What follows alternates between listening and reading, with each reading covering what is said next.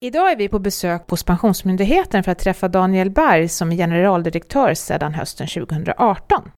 Välkommen till vår podd Daniel. Berätta, vem är du? Tack så mycket. Jag är väl en eh, långväga person i pensionsbranschen får man säga. Jag har jobbat mycket med pensioner, framförallt statliga pensioner på Finansdepartementet och sen var jag med och satte upp Sjunde AP-fonden och jobbade på PPM i många år jobbat också i privat sektor med tjänstepension och, och privatpension på Folksam. Och nu är jag här på Pensionsmyndigheten. Sen har jag också någon parallell karriär i finanskriser. Så jag jobbade rätt mycket med finanskriser under 90-talet och även under var bankstödschef på, på Riksgälden. Men det är lite säsongsbetonande arbetet. Så däremellan sen så brukar jag jobba med pensionsfrågor.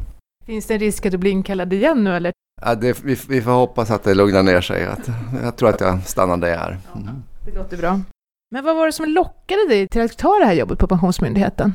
Ja, det tror jag de här pensionsfrågorna. Jag brinner verkligen för dem. När jag jobbade på PPM så ringde min gamla arbetsgivare en, en sen kväll när jag var på väg hem och frågade om jag kunde komma upp en stund. Och sen kom inte jag hem fem, förrän fem på morgonen samma dag. Så återvände jag aldrig till PPM utan drogs in i det här finanskrisarbetet. Så gick jag vidare till Folksam. Så nu när jag kommer tillbaka sist efter tio år känns det lite grann som att cirkeln är sluten när man kommer hem igen. Jag trivs verkligen och jobbar med de här. Jag tycker det är jätteintressanta frågor. Varför då? Jag tror att det kombinerar mitt intresse för um, samhällsfrågor i stort och uh, lite grann av finansiella frågor. Jag är finansekonom i botten. Pensionsmyndigheten då? Alltså det man vet om Pensionsmyndigheten det är ju för det mesta då det här orange kuvertet som har börjat skickas ut sen, det är snart 20 år sedan nu. Men det är väl inte det enda ni gör på bygget antar jag. Alltså om du skulle beskriva verksamheten, vad gör Pensionsmyndigheten? Vad gör alla hela dagarna? Ja, det är ungefär 1200 personer som jobbar på Pensionsmyndigheten.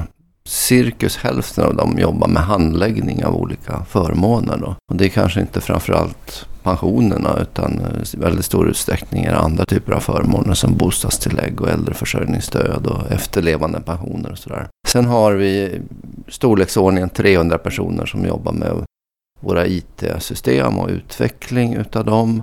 Trots att eh, en stor del av vår IT-verksamhet är outsourcat till Försäkringskassan så det är en väldigt stor del också. Sen sitter det väl 100 personer och svarar telefon i, i kundtjänst och knappt 50-tal som producerar statistik över pensionssystemet och analyserar pensioner. Och sen är det väl 30 som sysslar med kommunikation och utav dem så är det ett fåtal som jobbar med orangea kuvertet. Så det är, även om det är det som syns så är det inte det folk jobbar med hela dagarna. Nej, det kommer vara bra för det håller på nästan att försvinna dessutom.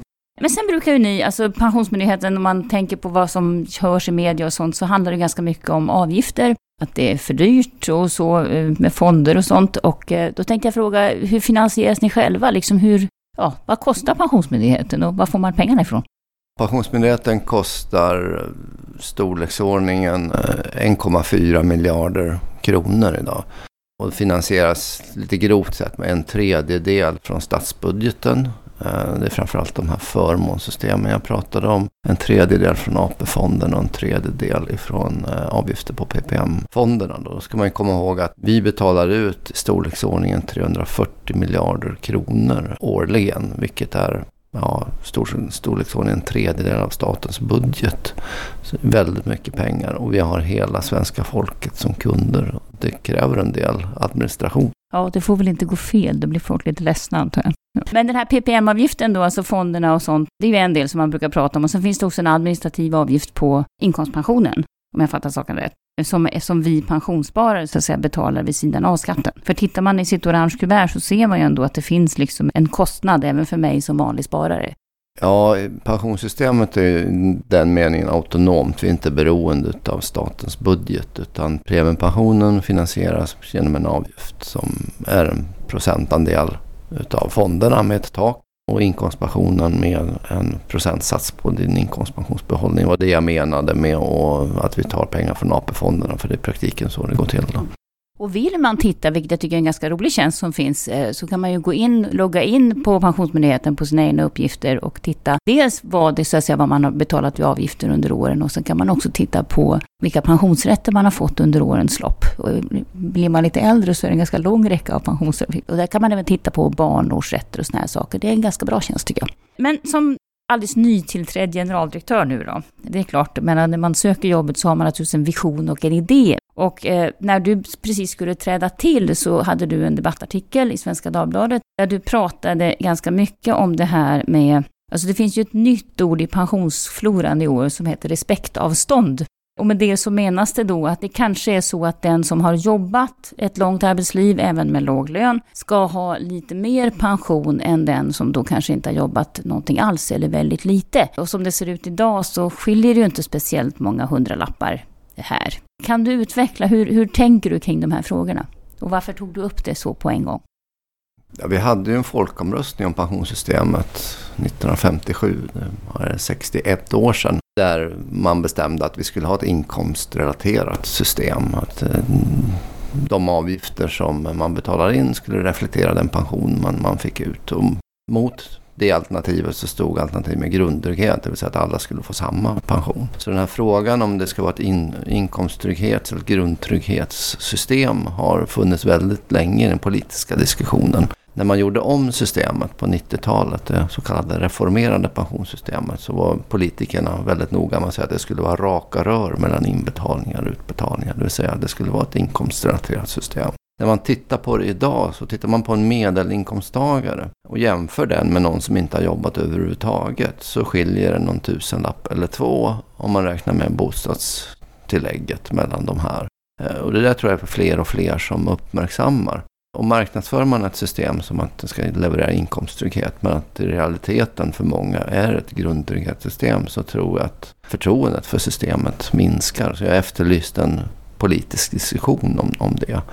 Men det är klart, då finns det ju två vägar att gå. Alltså antingen så höjer man avgifterna så att den som jobbar får mer i pension eller också sänker man grundtryggheten. Hur ser du på det? Jag kan inte se så många andra vägar att gå tillväga. Jag, jag skulle säga att det finns en tredje väg och det är den politiken har valt. Därför att en del av det här beror på att folk lever längre idag.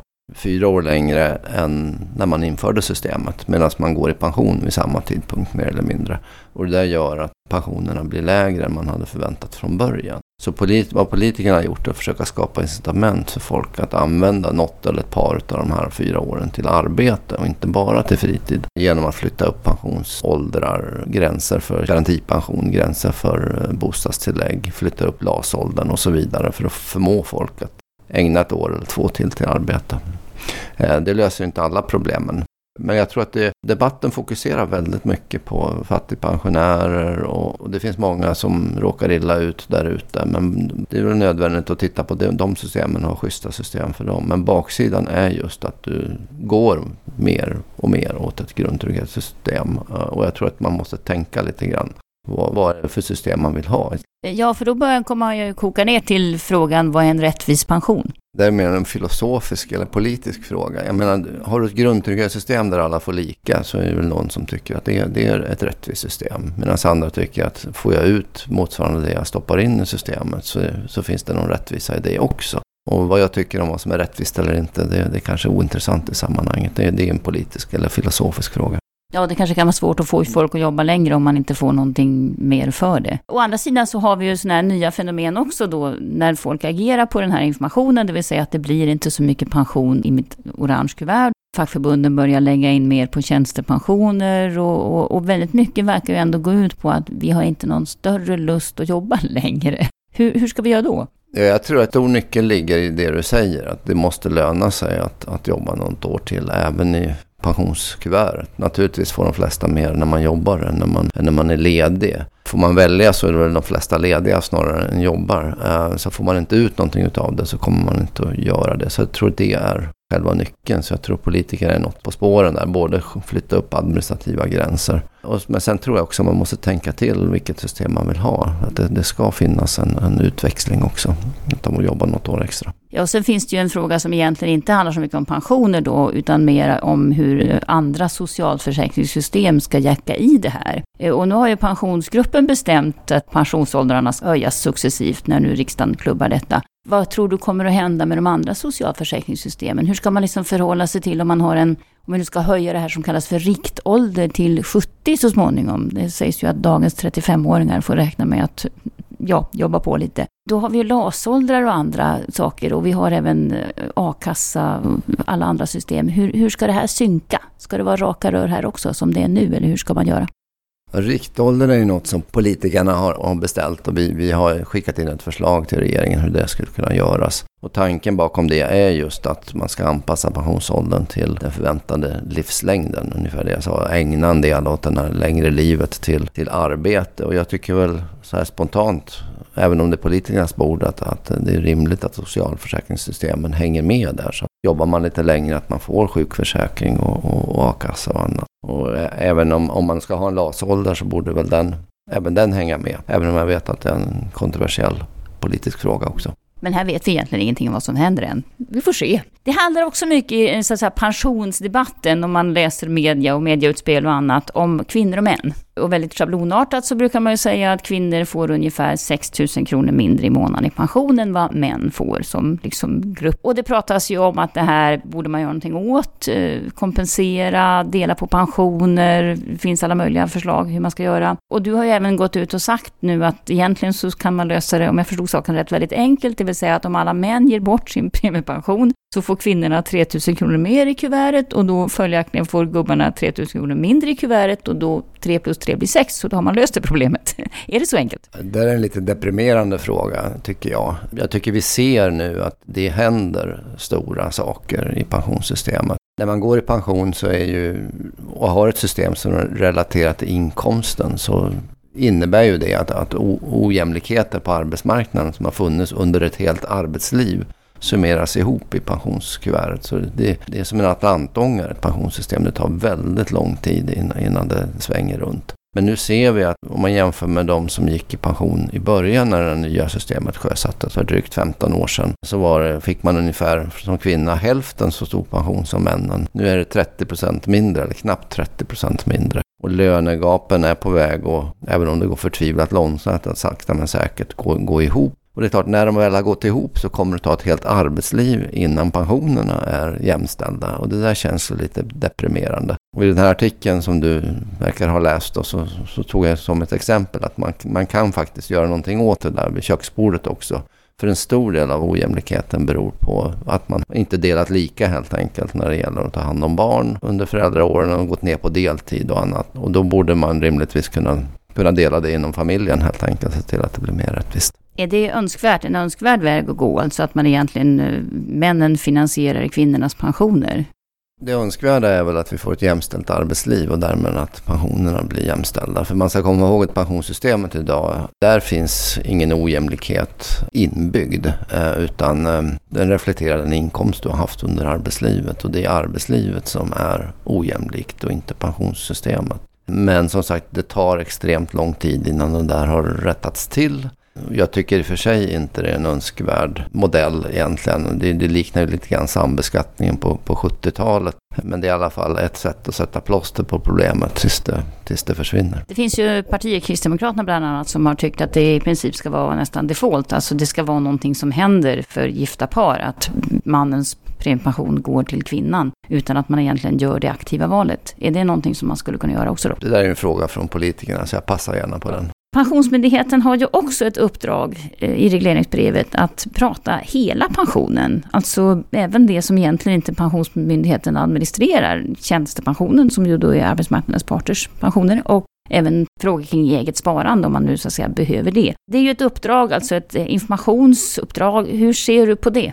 Det tror jag är jätteviktigt. Vi har ju som du sa skickat ut det orangea kuvertet i 20 år. Och för många blir det där chockupplevelser och öppnar och så tittar man bara på siffrorna och inte på texten. Och så konstaterar man att man får väldigt lite i allmän pension. Och så står det med stora bokstäver längre ner. Ops, du har också en tjänstepension. Men det är många som inte ser det.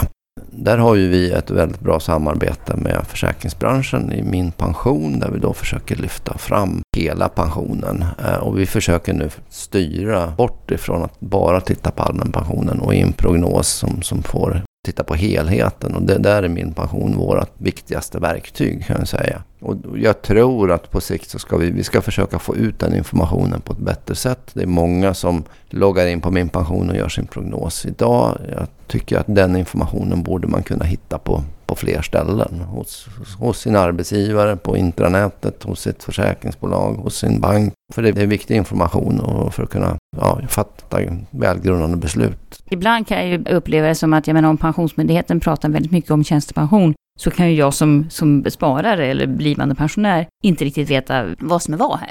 Vad ansvarar Pensionsmyndigheten för? Och om Pensionsmyndigheten pratar väldigt mycket tjänstepensioner kan man ju ändå nästan få intrycket att Pensionsmyndigheten liksom rattar det här också. Är det här ett problem? Jag tror problemet är större om vi bara skulle prata allmän pension. Därför då begriper inte folk och blir stressade över saker som de kanske inte behöver bli stressade över. Men, men visst, det, det, det gäller att peka i rätt riktning när det gäller tjänstepensionen och, och att det inte är vårt ansvar. Eh, så visst, det är, det är en kommunikationsutmaning. Ja, för du har också pratat dig varm för folkbildning. Hur ska den se ut? Jag tror inte vi ska göra hela svenska folket till pensionsnördar. Vi har ju ett jättekomplicerat system med de här tre pelarna och de här förmånssystemen och med bostadstillägg. Och det, inte ens vi som jobbar hela dagarna med de här och omfattar liksom alla regler och abrovinklar. Men man måste förstå i alla fall ungefär hur ens livsval påverkar pensionen. Tar jag föräldraledigt? Går jag ner på heltid? Reser jag jorden runt fyra varv innan jag börjar jobba och går i pension tidigt så måste man förstå att det här, det här får effekt på ens pension. Min pension är ett verktyg. Det finns andra, andra saker vi jobbar med också. Då. Ja, fast i och för sig, det blir, då tangerar vi det här med grundtrygghet då. Alltså, det finns ju vägar att få ganska bra pension ändå, även om man åker jorden runt. Ännu så länge i alla fall. Ja, om du menar att det blir liten skillnad om man jobbar eller inte så, så visst har du en poäng med det i alla, i alla fall om du... Det är klart, har du mer än medelinkomst är det ju fortfarande inkomstrelaterat. Men, men under där så är marginaleffekterna ganska stora. Ja, och sen kommer vi till den här frågan som media har skrivit väldigt mycket om det senaste året med all rätt. Det är ju det här med de skandaler som har varit kring eh, premiepensionen. Allra, alla namn som finns här och pengar som har flutit. Nu har ju du inte varit verksam på myndigheten under det här året, men, men hur har du så att säga sett på de här affärerna? Det där är ju väldigt sorgligt tycker jag. Jag var ju med och som tjänsteman tog fram premiepensionen på 90-talet. Det var ju lite grann efter förebilder från ehm, fondförsäkring och, och kollektivavtalsområdena. Och då, det fanns inga skandaler runt fondbolag. Man hade bra tillsyn, man hade förvaringsinstitut som, som höll koll på det. Så det, man reflekterade aldrig över att något sånt här skulle hända. Nu har det hänt och det är trist och nu håller man då på att städa upp i systemet. Politikerna har ju beslutat att vidta ett antal åtgärder och vi jobbar mycket med dem. Vi har ju sagt upp alla fondavtal och vi ska plocka, ja, alla får ansöka om igen och de som inte klarar de här nya kriterierna kommer inte få vara med längre. Vi räknar med att storleksordningen ett par hundra fonder kommer att försvinna från systemet. Och sen har vi också regeringen tillsatt en utredning som ska titta på ett steg två där vi eventuellt kommer att få ett upphandlat fondtorg efter modell från kollektivavtalen. Och då kanske antalet fonder går ner från nuvarande drygt 800 till vad vet jag, 100-200 någonstans. Sen kan ju jag bli lite nervös därför att eh, tidigare har Pensionsmyndigheten varit tvungen att plocka in alla fonder som uppfyller vissa kriterier, att man står under tillsyn och har en viss reglering. Nu ska vi sätta en kvalitetsstämpel på dem och det är klart att vi kan ju aldrig garantera med 100% sannolikhet att sånt här inte kan inträffa igen. Vi kan minska sannolikheten betydligt, visst, men, men aldrig noll och nästa gång så är det vi som står i skottkluggen och inte politikerna. Det kan man vara lite nervös över. Ja, och för den som lyssnar på podden så kommer vi att ha ett separat avsnitt just om hur man hanterar det här praktiskt, hur jag som sparare ska förhålla mig till de här bantade fonderna och det, det som händer, för det kan väl bli ganska mycket. Plötsligt så har man en fond som försvinner och ska in i någon annan och så vidare. Men det är ett separat avsnitt. Men eh, premiepensionen som fenomen då, jag menar det finns ju en och annan som faktiskt inte vill ha premiepension överhuvudtaget. Tjänar premiepensionen sin plats i pensionsfloran eller hur tänker du här? Ja, när man införde systemet så sa man det att sätter man en del av sparandet på kapitalmarknaden så kan man räkna med en högre avkastning. Eh, jämför man med inkomstpensionen så har ju premiepensionen levererat ungefär dubbelt så hög avkastning som, som inkomstpensionen. Så det, det syftet har man ju uppfyllt. Ett annat syfte var att man skulle kunna diversifiera sig bort från svensk ekonomi. Inkomstpensionen beror ju på hur svenska löneinkomster och därmed hur svensk ekonomi går. Har man möjlighet att placera i andra länder också så, så sprider man helt enkelt sina risker. Eh, och det är väl fortfarande sant. Sen var ju också något syfte att man skulle kunna placera sina pengar så det motsvarar ens egen, sina egna riskpreferenser. Och det där är ju extremt svårt, inte minst i ett system med 800 fonder, att försöka vägleda folk rätt i den frågan. Där tycker man systemet kanske har misslyckats då, men, men de två första målen har väl uppfyllts. Men om man då tänker sig att du får de här regelförändringarna på plats, färre antal fonder och kanske lite mer kvalitetsstämpel på i någon mån. Kan man då tänka sig att man även kan öka andelen premiepension i den allmänna pensionen just för att det levererar mer, för att det ger en högre avkastning?